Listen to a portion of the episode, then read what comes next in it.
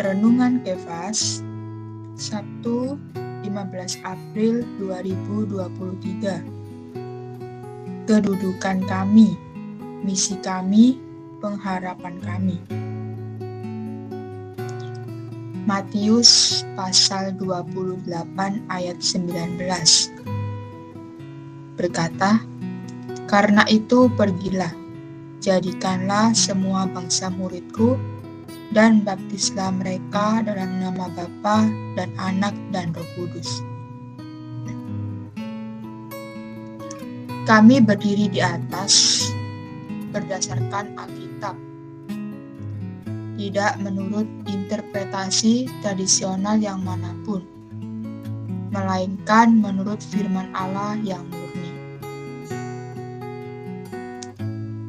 Kami berdiri di atas Kristus batu karang yang hidup, batu fondasi, kepala tubuh, dan hayat dan realitas gereja.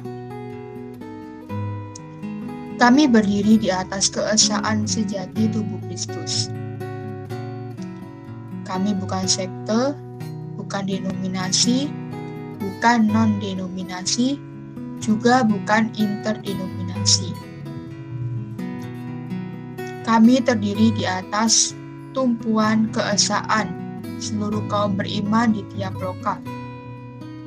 Kami mengakui semua orang beriman dalam Kristus yang telah ditebus darah dan dilahirkan kembali oleh roh sebagai anggota dari satu gereja di tiap kota. Memberitakan Injil anugerah dan kerajaan kepada orang-orang dosa agar mereka beroleh selamat. Melayankan suplai hayat kepada kaum beriman, agar mereka dapat bertumbuh di dalam Kristus. Mendirikan gereja di tiap kota, agar kaum beriman dapat menjadi satu ekspresi korporat, lokal Kristus yang praktis menyalurkan firman Allah yang hidup dan kaya dari Alkitab. Agar kaum beriman dapat terawat hingga bertumbuh dan matang, membangun tubuh Kristus supaya mempelai perempuan dapat dipersiapkan bagi kembalinya Kristus sebagai mempelai laki-laki. Kami berharap agar sebanyak mungkin orang yang telah ditetapkan Allah untuk hayat yang kekal mau percaya di dalam Tuhan Yesus. Kami berharap agar semua orang Kristen yang telah dilahirkan kembali mau menuntut pertumbuhan hayat, tidak hanya pengetahuannya yang bertambah.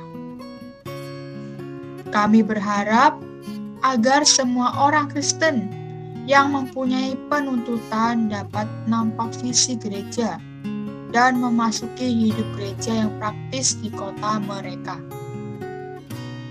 Kami berharap agar Tuhan dapat memiliki sisa kaum pemenang supaya mempelai perempuannya dapat dipersiapkan. Kami berharap agar kedatangan kembali Tuhan akan didesak melalui pertumbuhan kami, sehingga kami boleh mengambil bagian dalam keterangkatan yang berbahagia dan dalam kerajaannya yang akan datang. Terang hari ini membangun tubuh Kristus supaya mempelai perempuan dapat dipersiapkan bagi kembalinya Kristus sebagai mempelai laki-laki. Doa hari ini menyalurkan firman Allah yang hidup dan kaya dari Alkitab, agar kaum beriman dapat terawat hingga bertumbuh dan matang.